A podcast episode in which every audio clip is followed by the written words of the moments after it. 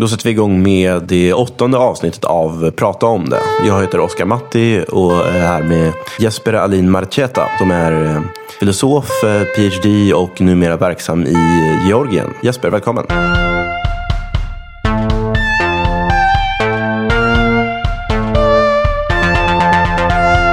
Stort tack, väldigt roligt att få med. Jesper, jag tänkte börja med, du har ju skrivit en del om eh, kritik som har riktats mot eh, liberalismen som ideologi. Eh, från tänkare som Joel Halldorf och eh, Patrick Denin. Eh, skulle du vilja beskriva lite grann vad den här kritiken går ut på? Ja, mer specifikt så är det väl kritiken mot den liberala individualismen som jag har skrivit lite om och eh, som Halldorf har, bland annat Halldorf har riktat sig mot. Eh, kritiken är då, eller så säga, om vi börjar i individualismens ände så, eh, så är individualismen en, en idé som är dominant i västvärlden. Vi, vi betraktar varandra som individer snarare än som medlemmar i olika sociala grupperingar som till exempel präster, adel, bönder som förr i tiden. Också en skillnad mellan eh, västerländska liberala demokratier och andra delar av världen som i vissa delar i Sydostasien där man istället för att se individer ser man vilken generation man tillhör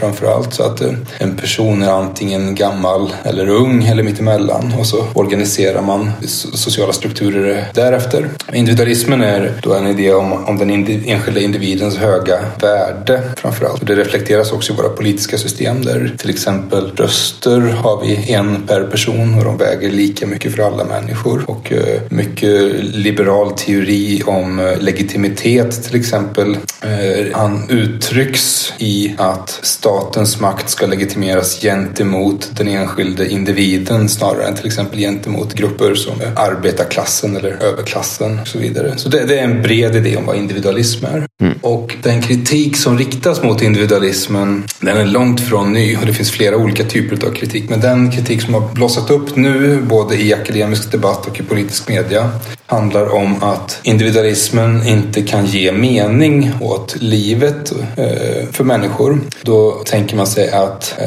när vi försöker att till exempel förverkliga oss själva och när vi försöker att vara autonoma människor gentemot andra människor, gentemot sociala influenser så, så, så värderar vi alltid oss själva och våra egna idéer gentemot vår omgivning. Till exempel, det jag tycker är värdefullt tycker jag är värdefullt eftersom jag befinner mig i en viss kontext. Kan man säga. Och då, då, då, då ligger det inneboende i individualismen att den inte kan ge värde och mening åt människan utan man måste titta på omgivningen, sociala sammanhang för att överhuvudtaget beskriva värde. Och det är en brist hos individualismen, säger kritiker då. Att uh, den kan inte, det, det, det, saknar någonting absolut fundamentalt för att, för att beskriva människan och hennes tillvaro. Ungefär så ser individualismen och uh, den här kritiken ut. Um, men du skulle också beskriva det här som en kritik att den riktar sig även mot liberalismen som uh, politiskt system eller individen som utgångspunkt i ett politiskt system och inte bara mot själva synen på individen utan att det får en sån konsekvens också för de här tänkarna.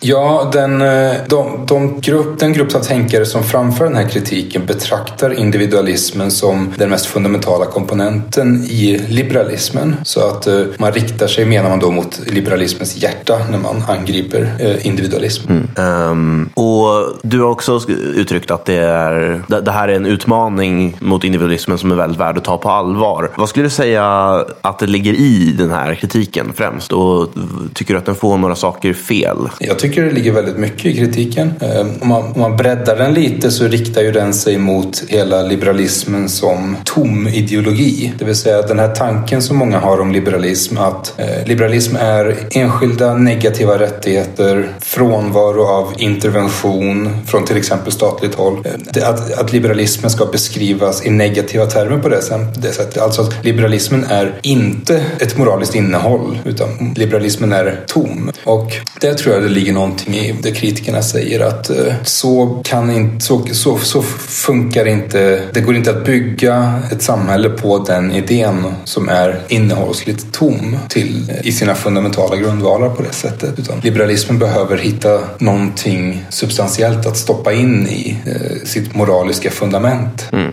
Um, när, man säger, när man säger stoppa in något mer i sitt fundament, vad, hur, hur skulle det kunna se ut på ett ungefär? Det som andra, alltså an, icke-liberaler och antiliberaler stoppar in är ju till exempel eh, teokrati, eh, alltså teologiska, religiösa idéer. Att man stoppar in det i sin fundamentala samhällsidéer. Andra stoppar in eh, idéer om eh, ekonomisk jämlikhet, eh, att, att vi saknar förmågan att eh, kommunicera med varandra som människor om vi inte befinner oss på ett fundamentalt jämlikt plan rent ekonomiskt och att vi därför måste vara ekonomiska jämlikar eh, och att det ska stoppas in i de grundvalarna. Så. Men, men, men det, de två idéerna tror jag inte på, det, det teologiska eller konservativa och det socialistiska. Jag tror att det finns resurser i liberalismens idéhistoria som kan hjälpa oss att utforma en sån här moralisk substans som krävs. Mm. Exakt vad den är, det, det, kan jag inte svara på just nu men jag tror, jag tror jag har en idé om vilken riktning vi borde gå åt som liberaler för att hitta det här meningsskapande som kritikerna efterfrågar. Mm. Um, hur, um, den riktningen, uh, hur, hur, skulle du beskriva den på ett ungefär? Jag tror på två idéer. Om vi tittar på individualism historiskt sett, vad tänkare har sagt om individualismen så är det för det första, det består av tre element kan man säga. Så individualismen är först och främst någonting i relation till någonting annat. Till exempel individen mot kollektivet eller individen mot eh, sociala relationer och så vidare. Det är den första komponenten och i den, den komponenten så ska vi säga att individen väger tyngst, individen är viktigast. Mm. Men det andra komponenten eller elementet i individualismen är individualitet. Det vill säga möjligheten att fullända sig själv, att leva ett komplett liv i enlighet med sina egna idéer om vad som är värdefullt. Uh, autenticitet pratas om ibland där. Och mm. där John Stuart Mill till exempel är en sån uh, liberal individualist som man måste titta på vad han säger om hur eh, vi ska utveckla det som är unikt i oss själva för att blomstra som varelser och därmed bli mer värdefulla för oss själva och för samhället i sin helhet. Så, så att individualitet tror jag är en sak vi borde titta närmare på och se vad vi hittar i de liberala resurserna som finns där. Och den tredje och sista komponenten eller elementet, det är det mest underutforskade som jag förstår det. Det som ofta förbises. Eh, det gäller individualism som icke-alienation. Mm. Att som, som individ vara förknippad med de sociala verksamheter man är engagerad i på ett personligt plan. Så att man inte eh, är frånkopplad det man håller på med. Det är en idé som känns igen från till exempel Marx och marxismen som, som talar om alienation. Att marknadsekonomin eller kapitalismen alienerar människan genom att ta ifrån henne frukten av sitt arbete. Att överskottet av arbetet går till någon annan än arbetaren själv. Och det är inte den typen av alienation jag pratar om nu. Utan jag pratar om alienation i en form som kanske är bäst förknippad med, med John Dewey, som amerikansk eh, 1900-talsfilosof. Han menar att eh, industrialismen, skrev eh, John Dewey väldigt kritiskt om, eh, gör människan till en, eh, en kugge, ett stort kugghjul så att hon, hon kliver in när arbetsvisslan ljuder och sen kliver hon ut när den ljuder igen och däremellan så händer det någonting som inte riktigt har med henne som person och människa att göra. Och, och då, då pratar Dewey om att vi måste, borde upprätta en typ av association som människan känner sig personligen delaktig i. Det kan vara ekonomiskt eller den kan vara social eller, eller religiös för den delen också. Och där tror jag det finns resurser att hämta. Och sen kan vi också titta på senare tänkare som eh, Bernard Williams till exempel som argumenterar, han ställer upp sitt argument mot utilitarismen som eh, moralisk teori. Utilitarismen är alltså teorin att det gott och ont mäts i konsekvenser utav handlingar och alltså så borde vi handla så att vi maximerar lyckan. Då menar Williams att den här teorin alienerar människor från sina egna handlingar, att vi underkastar oss ett riktighetskriterium istället för att rätta handlingar så att säga flyter från våra egna projekt i livet. Där tror jag också det finns någonting att hämta, att vi som människor borde involvera oss i projekt som vi betraktar som våra egna och eh, förblir förknippade med de här projekten genom hela våra liv. Så där har vi två underutforskade aspekter utav individualismen som jag tror att vi borde titta närmre på och se om vi kan utveckla en teori om individualistisk mening. Individualitet och icke-alienation. Jag, jag har förstått det som att du också har en ganska, man kan kalla för värdepluralistisk ingång till, till liberalismen. Stäm, stämmer det? Ja, det stämmer. Jag skulle vilja beskriva kort hur det, hur, vad det innebär också. Värdepluralismen kan man ju prata om på två sätt. Eller jag tänker mig värdepluralismen på två sätt. Det ena är att liberalismen sedan liberalismen först uppkom där genom de franska och amerikanska frihetsrevolutionerna så har, så har liberalismen fokuserat på en tolerans gentemot en mångfald sätt att leva på. Så att liberalismen tolererar en holistisk eh, säga, världskarta eller livskarta. Många sätt att leva på är bättre än få sätt att leva på. Det är en typ av värdepluralism som jag tror är viktig. Den andra värdepluralismen handlar om, den är mer teoretisk. Det handlar om att jag, liksom många andra före mig, som Asaya Berlin till exempel, tror inte att moral kan reduceras ner till en fråga om ett enda värde. Utan att det finns flera grundläggande värden som sinsemellan är omätbara gentemot varandra. Det, så det kan uppstå fundamentala, olösliga värdekonflikter mellan, låt säga som exempel, frihet och jämlikhet. Kanske kan inte dessa två vägas mot varandra så att vi vet vilken av dem som ska trumfa den andra utan de är, de är båda två fundamentala. Mm. Så det är två typer av värdepluralism som jag tror att, eh, som jag tror på, som jag tror att liberalismen behöver eh, fortsätta att bygga på precis som den har gjort hittills. Just det. Men det kan vara en ganska bra ingång till uh, hur jag tänkte på vissa av de här problemen. Jag, jag, har, jag är ju mer inne på den här uh, man säga, ne negativt grundade eh, varianten av liberalismen. Um, så, så, jag hade ett par delar där jag tänkte lite annorlunda. Men med, med den här värdepluralistiska ingången kan man säga att du tänker att det finns flera olika saker, flera olika värden som vi behöver ta hänsyn till när vi sen utformar en, en sån här ideologi till exempel. Och då att, att vi både har att ta hänsyn till att det är viktigt att befrämja icke-alienation till exempel. Men också att det finns, finns värden i att undvika tvång när vi gör det. Ja, båda de eh, värdena ser jag som relevanta i sammanhanget. Just det, precis. Um, men um, värdepluralismen ger då, värdepluralistiska utgångspunkter ger då inte riktigt ett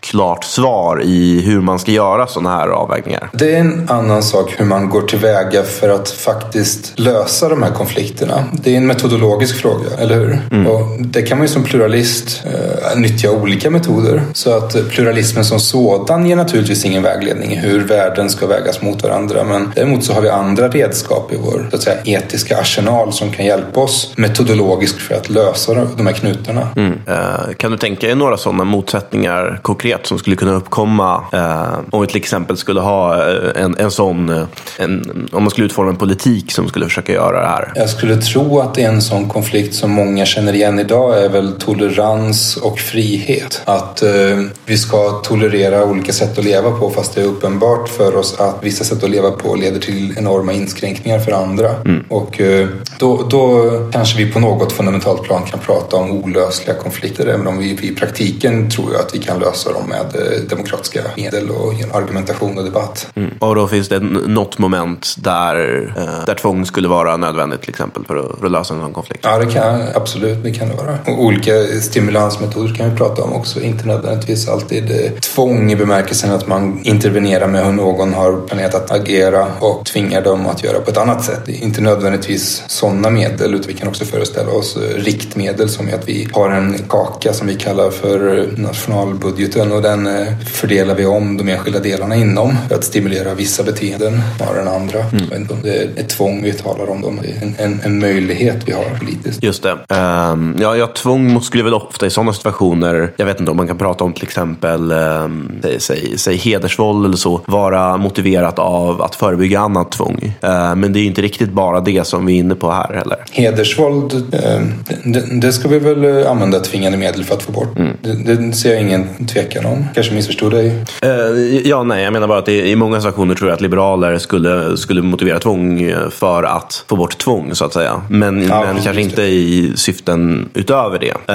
Det vi pratar om nu är ju mer att främja en, en, en meningsfull tillvaro uh, i allmänhet. Ja, ja just det. Um, så jag, jag tror ju att den här vänder sig mot även den negativa varianten av liberalism. Um, men jag tycker ganska mycket av det som till exempel Joel Halldorf riktar in sig på um, är den syn på liberalismen där den så att säga utgår från individen som en ö.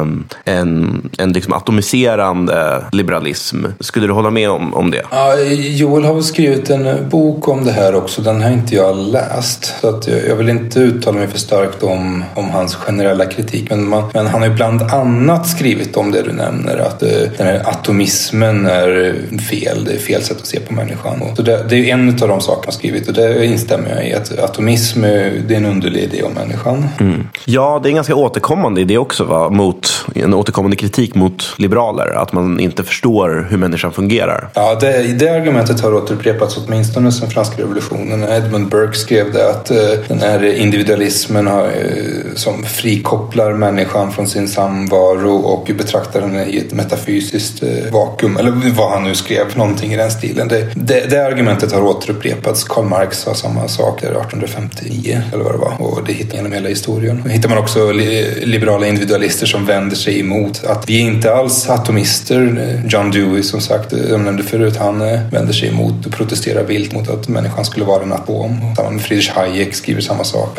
Hayek skriver att människan, eh, att individualister utgår från människor som befinner sig i sociala sammanhang. Deras raka motsatsen mot det här påståendet om att individualister är atomister. Så ja, det, det är ett historiskt återkommande argument som eh, tyvärr återupprepas men sen kanske det finns skäl att för, det kanske finns skäl för liberaler att, att rikta en viss självkritik där. Att eh, anledningen till att folk upplever upprepar den atomistiska kritiken kanske ligger i hur vi formulerar vår politik snarare än i att alla andra bara missförstår oss hela tiden. Ja, jag har funderat lite där över om vissa delar av mm, kanske en socialliberalism eller kanske en mer progressiv syn kan ha kan vara så att säga mer det målet som, som träffas av den här kritiken än, än bara ren eh, vad ska man säga, valmöjlighetsliberalism. Alltså om vi tänker på, mm, um, jag, jag säga att man insisterar att det finns egentligen ingen en eh, livsstil eller så som eh, är bättre än någon annan. Att det finns liksom ett egenvärde i att alltid eftersträva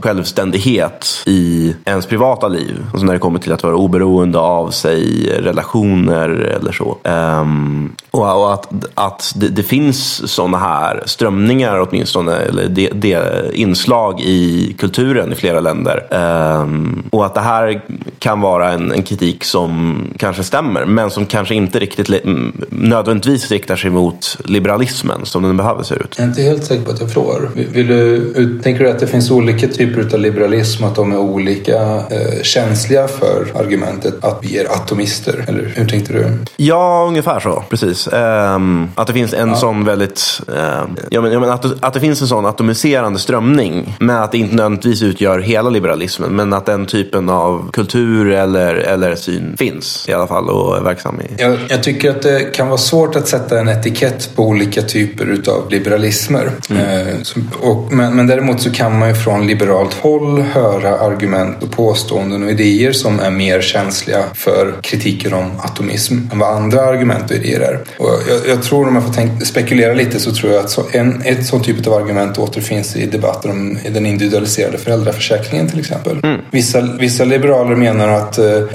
det här bidraget, eller det här paketet av bidrag som, så ska tillfalla familjen och sen ska de enskilda individerna i familjen självständigt besluta om hur de ska fördelas. Mm. Och då hör man ibland det här argumentet att nej, de här familjemedlemmarna, alltså mamman och pappan vanligtvis, är helt oberoende från sociala normer. De kan själva, oberoende från externa influenser, besluta om hur, eh, hur de ska fördela bidraget sinsemellan. Och det är ju en ganska atomistisk, eller, eller ett argument som kommer från en atomistisk idé om människan. Att människan förmår vara så eh, autonom från andra influenser. Så det är väl ett, en, en typ av idé som är känslig för atomismargumentet. Just det, just det. Ja, men den är ganska, um, ja, jag kan tänka mig sätt att argumentera för, för att överlåta det beslutet. Uh, att, att, att ge ett familjer och överlåta beslut mot dem utan att eh, utgå från att alla individer kan fatta sina beslut utan att påverkas av normer eller strukturer. Um,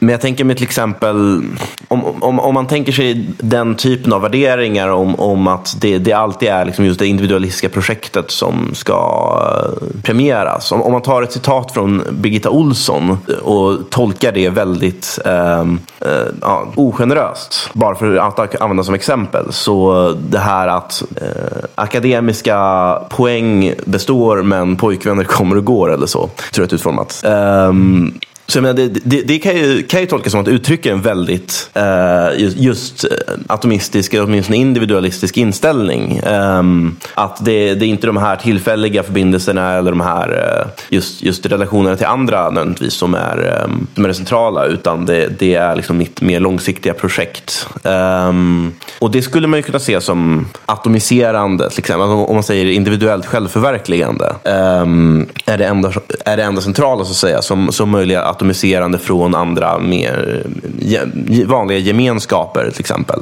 Uh, ser du någon sån? Ja, kanske med den tolkningen är väl möjlig. Men jag, tror också vi kan, göra and, jag tror vi kan göra andra tolkningar också. Jag känner, jag känner inte till citatet men uh, mm. vi kan ju tolka det från det här idén med individualitet till exempel. Att uh, om vi väljer pojkvän eller, eller om vi väljer studierna så kan vi fråga oss vilket av dessa två funkar bäst för att förverkliga mitt sanna jag. Och då kan vi tolka citatet som att det är högskolepoängen som är bättre för att fullända sig själv för att då finner vi en trygg bas av kunskap och färdighet att stå på där vi själva kan bygga våra liv utifrån istället för att fastna i ett beroende utav en, utav en partner. Det är en tolkning. Just det. Sen kan vi också göra den här tolkningen från eh, icke-alienation också om att eh, är det inte Birgitta Olsson som också har sagt någonting om duktiga flickor? va? Jo. Ja, just det. Eh, och, var hon för eller emot? Det minns jag inte. Så jag kanske inte ska ta upp duktiga för, flickor. Ganska ja. säker på det. Okej, okay, för. Jo, då att en, en, en, en kvinna då som väljer en pojkvän istället för att välja sina högskolestudier kanske kan sägas vara icke, eller kan vara, sägas vara alienerad för att hon väljer någonting mer fly, flyktigt än eh, någonting djupt till exempel. Så jag, jag tror att vi har flera valmöjligheter i individualismen. Det finns resurser där att tillgå för att tolka ett sådant uttalande. Mm. Jag, tror, jag tror att din första tolkning var mer i linje med vad hon själv menade förmodligen. Än, mm. uh, jag, jag tänkte det mer som en, en uh, typ av ett argument. Men, men um, än, att det, än att det faktiskt var det hon menade. Men jag börjar fundera om jag kanske ligger närmare Halldorf på vissa sätt än du när det kommer till vissa av de här delarna. Um, eller du skulle inte riktigt ta ställning kanske, om man, om man tänker din variant av, av, av individualitet. Uh, I vilket av de här alternativen för till exempel den här som ska välja mellan studier och pojkvän skulle välja? Jag, eh, jag är inte just nu i en position att säga något skarpt om vad mina egna uppfattningar är. Utan det, är någonting, det här är frågor och idéer som jag håller på att utforska och bilda min uppfattning om. Mitt intryck av Halldorf är att han är en eh, väldigt värdefull röst i samhällsdebatten och att vissa av de idéer som han ger uttryck för borde vi individualister och liberaler ta på största allvar och lära oss utav. Det, det är mitt intryck av eh, Joels texter som jag har läst men jag har som sagt tyvärr inte läst hans bok om det här. Mm. Nej, men jag håller verkligen med. Han lyckas ju provocera oerhört många till att skriva många svar. Um, ja, och... det, det, är roligt. Ja, absolut. Jag hoppas att han, han kanske får honom här någon gång. Um, mm. Men om man, skulle, om man skulle ta det här exemplet så gör man det lite, ty, lite så att det ska passa in här uh, i, i modellen. Om vi tänker oss att det är en, en person som... Jag, jag tror att det var något citat du hade i ett av dina blogginlägg. Um, om det var från Mill kanske. Att um, en, en individ som bara flyter med strömmen. Liksom, det, det är en tillvaro som... Mm. Om, man, om man rättar sitt liv efter andra så behöver man bara apans förmåga att härma ungefär. Just precis, det är John Stuart Mill i hans eh, bok eh, Unliberty. Just det, just det. Um, men om man tänker så, då, då, då, kan man tänka sig att det finns situationer där man skulle vara inne på till exempel att välja säg, säg en relation över studier men att, att det här valet till exempel inte fattas speciellt självständ, självständigt eller att man liksom gör, att man säg, tror att det förväntas av en. Um, men att säg pusha för att, att göra klart uh, studier för en, en större akademisk karriär skulle kunna utgöra ett mer, eh, ja, mer självständigt beslut. Um, skulle det kunna vara ett sådant exempel då på när det finns en motsättning mellan, mellan att, att följa sin individualitet eller att, att flyta med strömmen? Det kan det säkert vara ett exempel på. Vad, vad jag tror att just Mill pekade på var en skyldighet till självreflektion. Att vi, vi bär en skyldighet att reflektera över vilka vi är, hur vi vill leva, vilken plats vi har i tillvaron och sen att själva bilda oss en uppfattning eh, om detta och, och, och, och, ta kontroll över våra liv, ta kontroll över vår personliga utveckling, vår kar karaktärsutveckling med stöd i den den här självreflektionen. Och då kan man säga att högskolestudier, för vissa i alla fall, kan bidra till sådana självreflektioner. Men det finns det ju mycket annat i samhället som också bidrar till. Jag tror säkert, om vi återvänder till Halldorf här, jag tror säkert att eh, religiösa samfund har, eh, kan bidra med mycket vad gäller just just självreflektion till exempel. Jag tror också att eh, idrottsrörelsen finns säkert också möjligheter till självreflektion där om man kanske är mer åt det atletiska och fysiska hållet än det filosofiska. Men det är också en viktig självreflektion att fundera över sina egna fysiska förmågor. Och utom. Så det kanske är ett exempel där, som du nämner där. Individualitet och möjligheten till utveckling och skyldigheten till utveckling. Just um, ja, men om du tänker i ett samhälle som, är, eh, som styrs mer efter, efter regler som, som den negativa varianten av liberalismen uh, skulle utforma. Uh, om vi utgår från etiketter ett tag så uh, finns, verkar fortfarande finnas en del... Vill du förklara lite vad som ligger bakom etikett bara?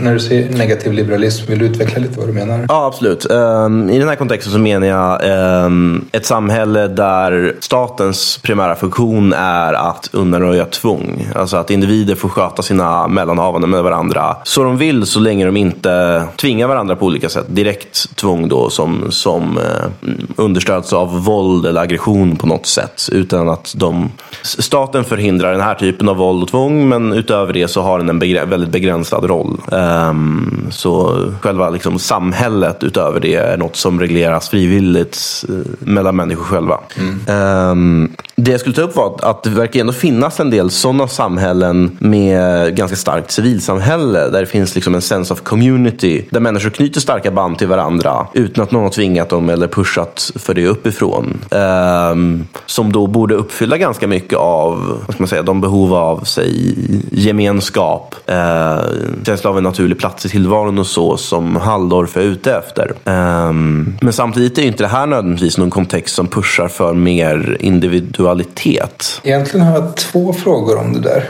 Det, det första är, har du några exempel på sådana samhällen? Mm, då, då, tänker jag mig till exempel, uh, det, det, finns ju en del mindre samhällen i USA uh, där, väl, där det finns väldigt starka lokalsamhällen. Jag har inga konkreta framför mig nu. Men... Nej, det, det finns ju sådana exempel genom historien också med extremt små samhällen som kan organiseras med väldigt små tvångsmedel. Till exempel sådana samhällen där alla känner varandra. Mm.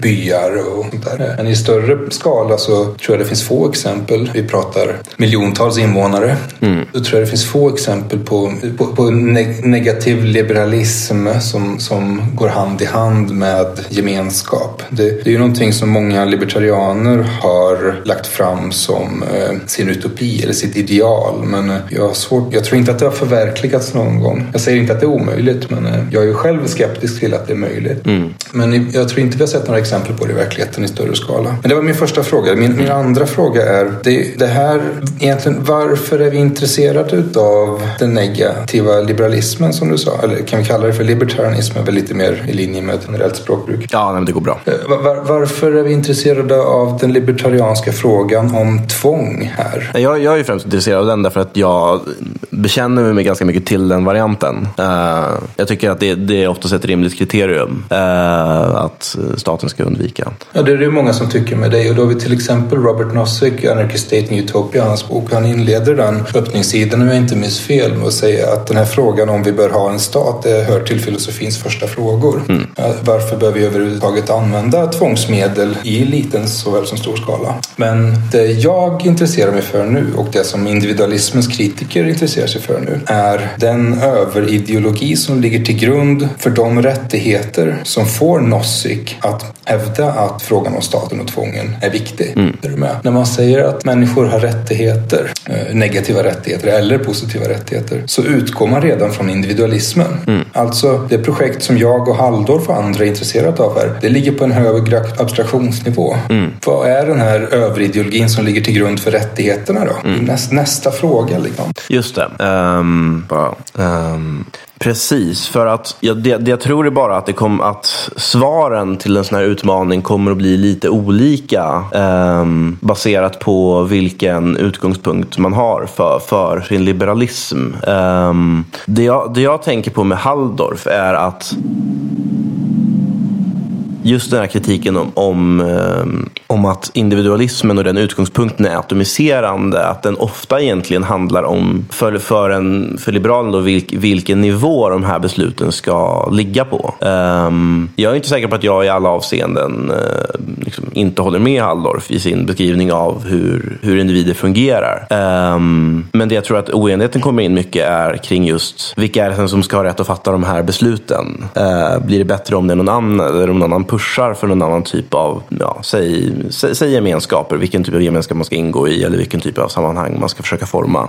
Um, den, den främsta liksom disagreement jag tror jag har då är ju nivån för uh, besluten. Och det, det, det, har ju sin grund i, i en individualistisk syn uh, på var beslutsfattande bör ligga. Uh, det, har du, det har du rätt i. Men jag vet inte om den, om den behöver sträcka sig utöver det när det kommer till just min liksom, disagreement med Halldorf. Till exempel. Ja, jag, jag tror att du nämnde två saker här som är kategoriskt skilda. Mm.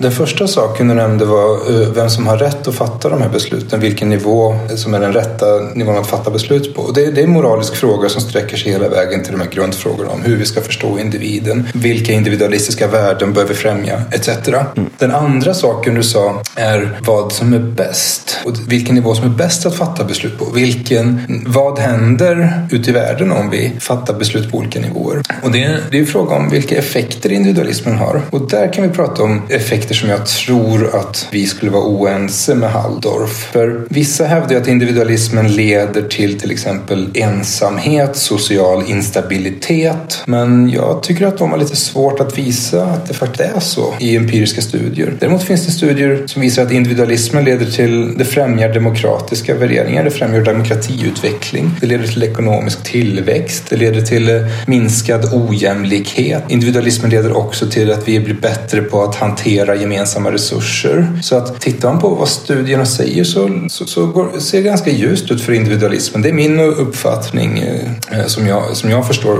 forskningsläget att i många viktiga områden, det vill säga hushållning utav bristande resurser som är viktigt för klimat och miljö, där leder individualismen till goda saker. Jämlikhet mellan män och kvinnor till exempel, där leder också individualismen till goda saker. Och demokrati, ekonomisk tillväxt. Så att din andra fråga om vad som är bäst, var det är bäst att lägga beslut på, där, där tror jag att individualismen står stark. Um, men samtidigt så tyckte du att en del, det låg en del i kritiken mot um, individualismen och hur den har, har funkat. Uh, de riktar sig ju trots allt sin kritik mot uh, hur, hur det moderna samhället ser ut nu. Du tyckte att det, att, uh, att det på ett par sätt träffar rätt ändå? Ja, det jag tycker att det träffar rätt är när individualismens kritiker riktar sig mot den moraliska kärnan snarare än individualismens, mot individualismens effekter.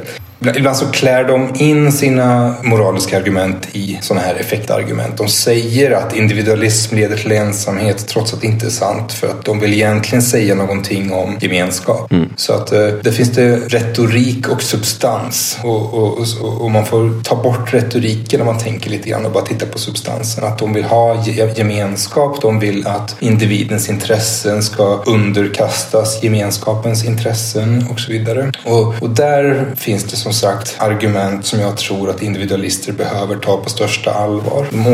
Vissa av de här argumenten är faktiskt gamla men äh, återupprepas idag med, i, i nya, samman, nya intellektuella sammanhang och nya tänkare. Så att på ett sätt är det ett litet städningsarbete vi kan tänka på. Vad har individualister sagt förr när de har svarat på den här kritiken och vad saknas i de svaren med, om vi tittar på hur världen har utvecklats de sista 30-40 åren. Mm. Så därför tycker jag att eh, individualister bör ta den här utmaningen på allra största allvar. Mm. Um, jo, men jag håller med. Jag vet inte heller om det alltid är just själva individualismen som är orsaken när det finns verkliga effektproblem som de, som de tar upp. Um... Nej, då, till exempel så är det ju en myt att ensamheten skulle växa i Sverige. Det är inte sant. Men en anti-individualist som säger att individualismen växer, då, eller ensamheten växer, då menar egentligen någonting annat. Mm. Vi får bara bortse från retoriken och titta på substansen. Absolut absolut. Nej, men jag tror att det, det jag försökte uttrycka, så där, där jag kanske har ha, ha lite en annan bild, är väl eh,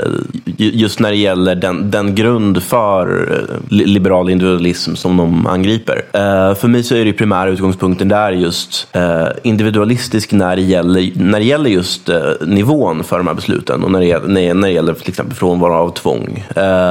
sen tror jag att jag håller med dig i, i um, um, mycket av det andra också när det kommer till att det är värdefullt att utveckla sin individualitet till exempel. Men att det så att säga ofta blir en mer, mer opolitisk fråga. En, en mer, mer tom liberalism, um, som du uttryckte det. Jag håller med mig i de delarna, men kanske inte i andra. Ja, kanske. Inte precis. Um, och det, det handlar framförallt också om till exempel statens roll i att, uh, att främja de här eh, delarna. Uh, gemenskap, icke-alienation och så vidare. Vi kanske är oense i vad statens roll ska vara. Jag har ingen exakt klar bild vad staten ska och inte ska göra. För jag, jag tycker att den frågan är Eh, sekundär. Eh, men de som tycker att statens roll är väldigt viktig gör ofta det på en grund som vi nu undersöker. Och hur stark är den grunden egentligen? Hur, hur, hur förstår vi individen och eh, på vilket sätt ska vi utforma de rättigheter som vissa menar att individen har? Så att om vi är oense om statens roll då kanske det är bara en effekt av att vi egentligen är oense om något fundamentalt vad gäller mänskliga villkor. Ja, kanske. Um, jag håller ju med om att individen ska vara utgångspunkten för vilka vilka rättigheter staten borde garantera. Eh, men jag, jag, är inte säker på att vi är överens om vilka de här rättigheterna är. Eh, det är med det. Ja, om jag får tolka så, så, om jag får tolka dig så tror jag att vi kanske skiljer oss åt i våra idéer om hur människan fundamentalt är konstruerad. Eh, vi är säkert överens i att människan åtminstone i någon utsträckning är självskapande. Att människan reflekterar över sig själv och hon reflekterar över att hon reflekterar över sig själv. Alltså andra nivåns självreflektion. Hon gör det här på ett kritiskt sätt. Hon har vissa förmågor till rationellt tänkande kring, kring sig själv. Hon bildar sig världsuppfattningar och idéer och värderingar som härstammar från henne. Den självskapande delen av individen tror jag vi är överens om. Men nu får du säga till mig om jag, om jag missförstår. För, för jag tror också därtill att människan i väldigt stor utsträckning är påverkad av yttre influenser eh, som, som, som normer, kulturer, eh, som ekonomisk press utgör till exempel, som social press utgör. Och det här har en ganska signifikant påverkan på vår självuppfattning, hur vi förstår oss själva och hur vi också då förstår vår omgivning. Så när en människa fattar beslut om sig själv och sin egen tillvaro så är inte det här beslutet enbart en produkt av hennes egna vilja, hennes autentiska vilja, utan det är också en produkt av de normer och värderingar som råder runt omkring henne. Mm. Och om man har den här förståelsen av människan, att man tror på båda de här komponenterna, om självskapande och att yttre influenser har en effekt, då tror jag att man borde landa i ganska eh, mjuka rättigheter och ganska tillåtande gentemot statens eh, rätt att använda tvångsinsatser och så vidare. Så kanske skiljer vi oss, skiljer vi oss åt där. Um, ja, kan, det kan hända att vi gör det. Um, jag är inte säker, man skulle förmodligen behöva gräva djupare i det. Men uh, jag tror inte jag mm, har någonting där som jag nödvändigtvis inte håller med om helt. Alltså om man bara tittar på empiriskt hur är människan eh, fungerar. Jag kanske till och med skulle kunna uttrycka det på ett ännu mer eh, negativt sätt. Du kan ju ifrågasätta eh, exempelvis fri vilja utifrån flera olika parametrar. Att det, det, är en komponent egentligen av gener som inte, som inte är självvalt på något sätt och eh, eh input från omgivningen som inte heller egentligen är, är självvalt. Sen så börjar det bygga, byggas upp ett subjekt där någonstans. Ehm, Um, även om det är då en produkt av, av, av gener och omgivning så, så är det fortfarande en, en enhet som kan, som kan förstås i sig själv. Uh, som sen då börjar fatta beslut uh, på egen hand. Även om, om dess just input fortfarande kommer från, från gener och från omgivningen. Um, så jag vet inte om, jag, om, om vi har olika syn på det hela uh, i hur det ser ut. Jag tror att det mer handlar om hur jag dels hur man värderar det och, och då vilken, eh, vilken form av beslutanderätt man borde ge åt det här subjektet. Det, det är nog mest det jag landar i. Att, att jag tror att eh, den optimala nivån är att, att människor själva så att säga, får, eh, får den rätten. Åt, åtminstone eh, utan att utsättas för tvång. Då. I regel för, för vuxna eh, individer så att säga, som, som vid sina sinnens fulla bruk. Eh, även om då de här besluten då absolut kan ha formats, eh, påverkas eller formas av, av normer eller omgivning också till stor del. Ja, jag menar att det finns, eh, det, lå, det, det, låter ändå på det som att du gör ett litet hopp där att vi, de här komponenterna, du nämnde fri vilja och du nämnde genetiska effekter och, så, som bildar ett subjekt som tillsammans med sociala och ekonomiska influenser bildar en beslutsenhet, tror jag du uttryckte det som. Mm. Och att den här beslutsenheten kan förstå sig själv, sina egna val. Det är ju det hoppet som jag är tveksam till. Vi kan inte förstå oss själva helt och hållet genom att bara titta på oss själva. Det är omöjligt. Vi måste titta utåt också och förstå våra sammanhang, våra kontexter. Så att, uh, jag skulle säga att du, du, du, du skriver upp dig själv på atomismen här genom att säga att det räcker med att titta inåt, att rikta blicken inåt sig själv för att förstå sig själv. Jag vet inte, jag, jag vet inte om jag skulle säga att, människa, att de här människorna helt behöver förstå sig själv. Um, eller alltid vad som ligger bakom deras beslut heller. Jag behöver. Ibland är det ju, ibland är det ju viktigt att förstå sig själv när vi fattar stora beslut. Mm. Och om vi då kan få hjälp utifrån att förstå oss själva så ser jag det som en god sak. Mm. Ja, där kommer det ju till just det här med livets komplexitet lite grann. Alltså vi har ju att um, du kan ju göra vissa generella uttalanden om människor som är sant för i princip alla människor. Um, och du kan ofta göra olika uttalanden om till exempel uh, vad som verkligen direkt skulle gynna de flesta människor i en viss situation. Um, det jag mer tänker på är det här med att, att man formar sina egna livsplaner till exempel. Eh, och att, att man då har en form av, av ansvar och ägande över de här besluten. Även om de inte ibland, man kanske kommer ångra dem senare eller så. Eh, jag ska se hur jag ska uttrycka det. Ehm, eh, ja, uh, dels så har vi den komplexiteten som sagt. Alltså är det här rätt för mig i den här situationen? Och eh, dels tycker jag att jag då har eh, underskottet på information från andra aktörer. Att, alltså på den här generella nivån så kanske man ibland kan säga vad som, som är rätt för i princip alla människor eller, eller människor i en viss kategori eller situation. Men, men när man tar den här komplexiteten i hur, i hur människan har utformat sitt liv hittills och vill göra det så blir det betydligt svårare tror jag. Och um, det är framförallt någonting som jag inte tror uh, eller tycker att det, att, det, att det då är någonting som man bör låta andra ta sig rätten att göra så att säga. Um, det, det är väl i grunden värderingsstyrt skulle jag säga. Alltså en, en, en, moralisk intuition så att säga som jag har i sådana exempel. Ja, du tänker dig, om jag förstår dig rätt, att det är väldigt svårt att överblicka samhällets många enskilda viljor och sen styra dem åt ett håll som blir bättre för alla. Ungefär så förstår jag dig. Ja, jag vill uttrycka någonting mer. Ungefär så, eller, eller för den delen om man försöker styra olika individer på olika sätt. Du, du nämnde tidigare att det kunde vara meningsfullt till exempel ehm, ja, just att vara icke-alienerad från sina aktiviteter. I en av texten nämner just att, att man känner Eh, liksom en tillhörighet till det arbete man gör, att man är liksom den sociala aktiviteten och att det, det, det skapar en mer meningsfull tillvaro om man är det. Det jag funderade på där var ju då samtidigt det här med, med just livsplaner och, eh, och den kritik mot, mot utilitarismen som vi var inne på tidigare. Att man då kan alienera en individ från, från den individens egen livsplan ifall du eh, eh föreskriver åt den här individen att alltid handla just för att eh, maximera lyck, eh, lycka eller nytta. Eh, kan det inte vara så att det finns många situationer där en individ till exempel väljer att eh, vara mindre, eh, eh att, att, att, att, ta ett arbete till exempel eller utföra en syssla, syssla som man är rätt så alienerad från för att det utgör ett led i den här då större eh, livsplanen. Det kan vara att, att eh, syssla med ett arbete som man inte tycker är speciellt meningsfullt till exempel. Men säg, säg för att tjäna in pengar som man tänker använda för att senare kunna göra någonting som man upplever som eh, mer meningsfullt. Mm, ja, absolut. Vi kan säkert prata om olika nivåer av alienationer. Eh, just John Deweys exempel om industrialiseringen, att människan kliver in på morgonen på en industri och sen står hon där som ett kuggigt stort ljud innan hon kliver ut igen. Det är en lite för, ska vi säga, eh, inte vulgär eller primitiv idé om alienation. Men det är någonstans att börja. Jag, jag, jag, jag själv till exempel jobbat i tillverkningsindustrin länge och jag vet att eh,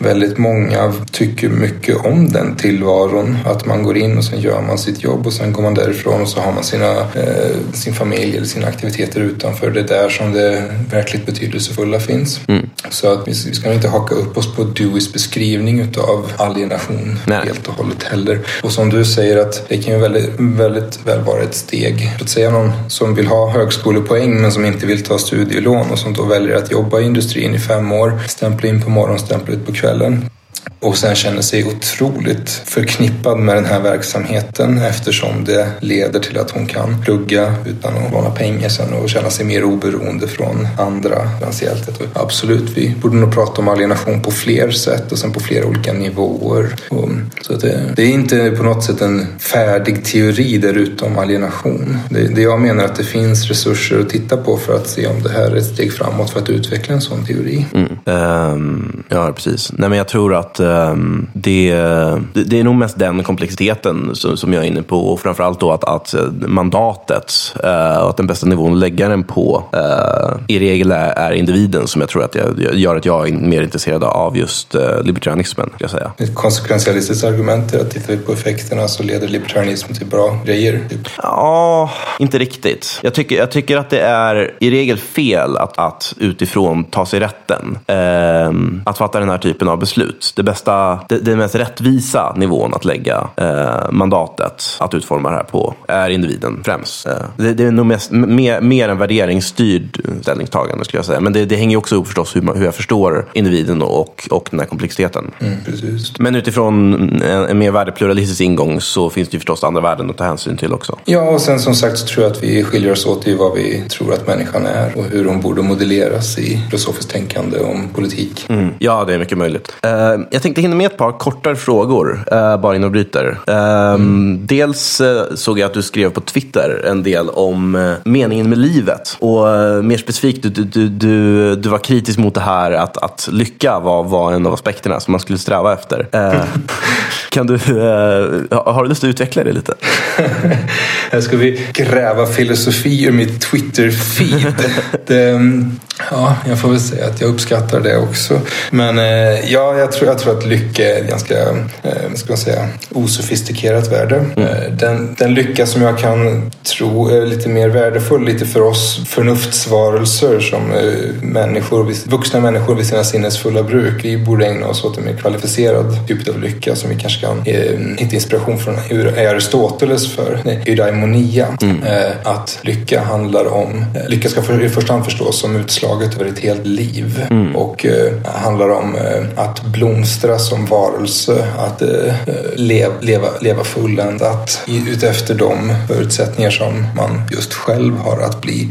Att leva i, i enlighet med de mest perfekta dygderna. Det, det är lycka i ett större perspektiv som jag tycker um, är värdefullt. Ja, alltså, Men om vi, pratar om, om vi pratar om lycka på det sätt som till exempel utilitarister pratar om, eh, den rena upplevelsen av eh, eufori, alltså hedonismen, det tror jag är till för lägre stående varelser. Det kan vi prata om för, kanske för bebisar i, i bästa hand, eller, eller människor som i slu, livets slutskede som har tappat sina förnuftsförmågor, eller djur för den delen skull. Då kan vi prata om hedonistisk lycka eller preferentialistisk lycka, att, man, att lycka består i att få sina önskningar tillfredsställda. Mm. Men överlag, för oss förnuftsvarelser, prata om lycka, nej, det är ovärdigt. Jag kan också slå upp i mitt Twitter-feed vad jag tycker om värdigt. Ja, ja du, du, du tyckte det rätt starkt. Uh, men, men jag förstår, det, det, det kan så att säga bli en, en form av biprodukt av att, att uh, göra rätt saker. Uh, och till exempel vara förenad med so sina sociala aktiviteter. Ehm, men det är kanske ingenting som, som en hund kan göra. Eller så. Nej, det finns, jag tänker att det finns mycket som leder till lycka. Till säga, att ligga hemma och kolla på film hela dagarna. Vissa blir jättelyckliga utav det och andra blir lyckliga utav att gå på droger eller att ägna sig åt ständiga sexuella aktiviteter med den ena och andra och så vidare. Det, det är inte en värdefull lycka i min mening. Det är en ovärdig lycka. Vi som förnuftsrörelser borde ställa oss över sånt. Mm. Ja, i många av de här fallen kan jag i alla fall tänka mig att det också är en ganska kortsiktig lycka. Eh, eller något som gör att man, man kanske får den här hedonistiska lyckan men inte riktigt sense of accomplishment. Ja, även de som får det får det av fel skäl. Ja, just det. Även de som har en lång, lång, ett långt liv i den typen av lycka, det är inte ett gott liv. säger jag. Mm. Det är ingenting att eftersträva. Det är någonting vi ska fördöma. Okej, okay, ja, men då... Nu talar jag Twitter-språk här. du kan översätta allting i 280 tecken och bara köra ut det. Det här kommer, det här kommer bli titel. Liksom. Det, uh... Sista fråga bara. Du, du, har varit, du har varit verksam i den liberala rörelsen kan man kalla det i Sverige ganska länge. Uh, hur, hur, var, vilka är de största förändringar som dina åsikter har gått igenom på den här tiden? Jag har varit som du. Ah, alla börjar där. Ja, nej men självklart har jag varit libertarian och eh, läst Nozick och Rothbard, Mises, hela paketet. Mm. Men eh, det, det gled jag ifrån helt enkelt. Det slutade vara attraktivt. Jag började vid någon tidpunkt tänka att nej men det här funkar inte riktigt. Man får inte ihop teorierna. Det stämmer inte överens vare sig med sig själv eller med verkligheten. Mm. Måste titta någon annanstans. Det är väl den förändringen kan vi tala om att jag genomgått, förmodar jag. Mm. Ja, Pontus Almqvist eh, beskrev det som att alla, eh, de flesta växer väl ifrån sin libertarianism efter 15-årsåldern liksom. Men alla är där, typ. Ja, fast eh, vissa förblir libertarianer genom hela livet och det är en principfasthet som jag tycker förtjänar respekt. Ja, jo, precis. Nej, men om man är av, av rätt skäl i alla fall. Kanske. Ja, det, finns det är av rätt skäl naturligtvis. Det finns väl förstås de som, som hamnar där för att det, det, det är mest radikala och liksom fuck staten. Där. Ja, och de som vägrar att läsa någonting annat än libertarianer. Det finns också gott om. Ja, jo precis. Ja, det, det, blir, det blir alltid lite tradigt med av ideologier, vilken typ det än är, när man har läst liksom en bok eller en uppsättning böcker av en, en sorts tanke, ett tankesätt. Ja, och så läser man fler sätt att uttrycka samma tanke på och så blir det bara retorik av hela paketet till slut utan att man faktiskt tar sig framåt. Mm. I min mening så är libertarianer alldeles för bakåtriktade. De, det sker ingen ny idéproduktion inom libertarianismen. Det har inte gjort många år. Det vi ser är bara nya paketeringar utav samma idé. Mm. Och det, det höll inte 1974. Det håller inte nu. Mm. Nej, men I stora drag så håller jag med. Jag tycker också att det, det finns väldigt få eh, libertarianska tänkare som framförallt tagit tag i liksom, motståndarargumenten. Eh, och just några, av de, de här dilemman som finns inom den och olika gränssituationer och hur man ska svara på dem har, har det skett ganska lite i också. Eh. På den positiva sidan så sker det väl mycket inom libertarianismen och eh, klimatetiken. Hur man börjar ägna sig åt klimathotet på allvar. Libertarianism, det ska man väl ge cred för. Ja, nej men den har jag alltid, alltid, alltid tyckt var given. Det, det är klart att man inte kan skada andra med, med hur mycket oljeutsläpp som helst och liknande. Mm, det var en, hade du sagt det i libertarianska kretsar för 15 år sedan så hade du kanske fått dina premisser attackerade. Det finns inget klimathot, sa man då. Just det. Alltså, den, där, den där saken har jag alltid haft svårt att förstå. Jag tycker det, det, det, det finns väl skäl att, liksom, att, att ifrågasätta typ väldigt specifika scenarier eh, av klimatförändringar. Alltså till exempel eh, att, att det, vi vet att det, till, att det tilltar helt irreversibla effekter vid en viss eh, grad temperaturhöjning som vi kan avgöra på en decimal. Men själva mekanismen bakom ökande växthuseffekt och, och mänskliga utsläpp borde vara ganska lätt att inse tycker jag. Jag förstår inte riktigt den här skepticismen. Den finns ju fortfarande kvar. Nej. Menar du i libertarianska kretsar? För där har jag ingen inblick längre så jag vet inte. Ja, det, det finns fortfarande. Det, det gör det. Okay. Det var synd. Ja, verkligen. Um, vi, ska, vi ska ta och runda av nu tror jag. Men jag tycker det här är väldigt, väldigt intressant. Så jag vill tacka väldigt mycket för den här diskussionen. Tack så jättemycket för att jag får vara med. Det var väldigt roligt.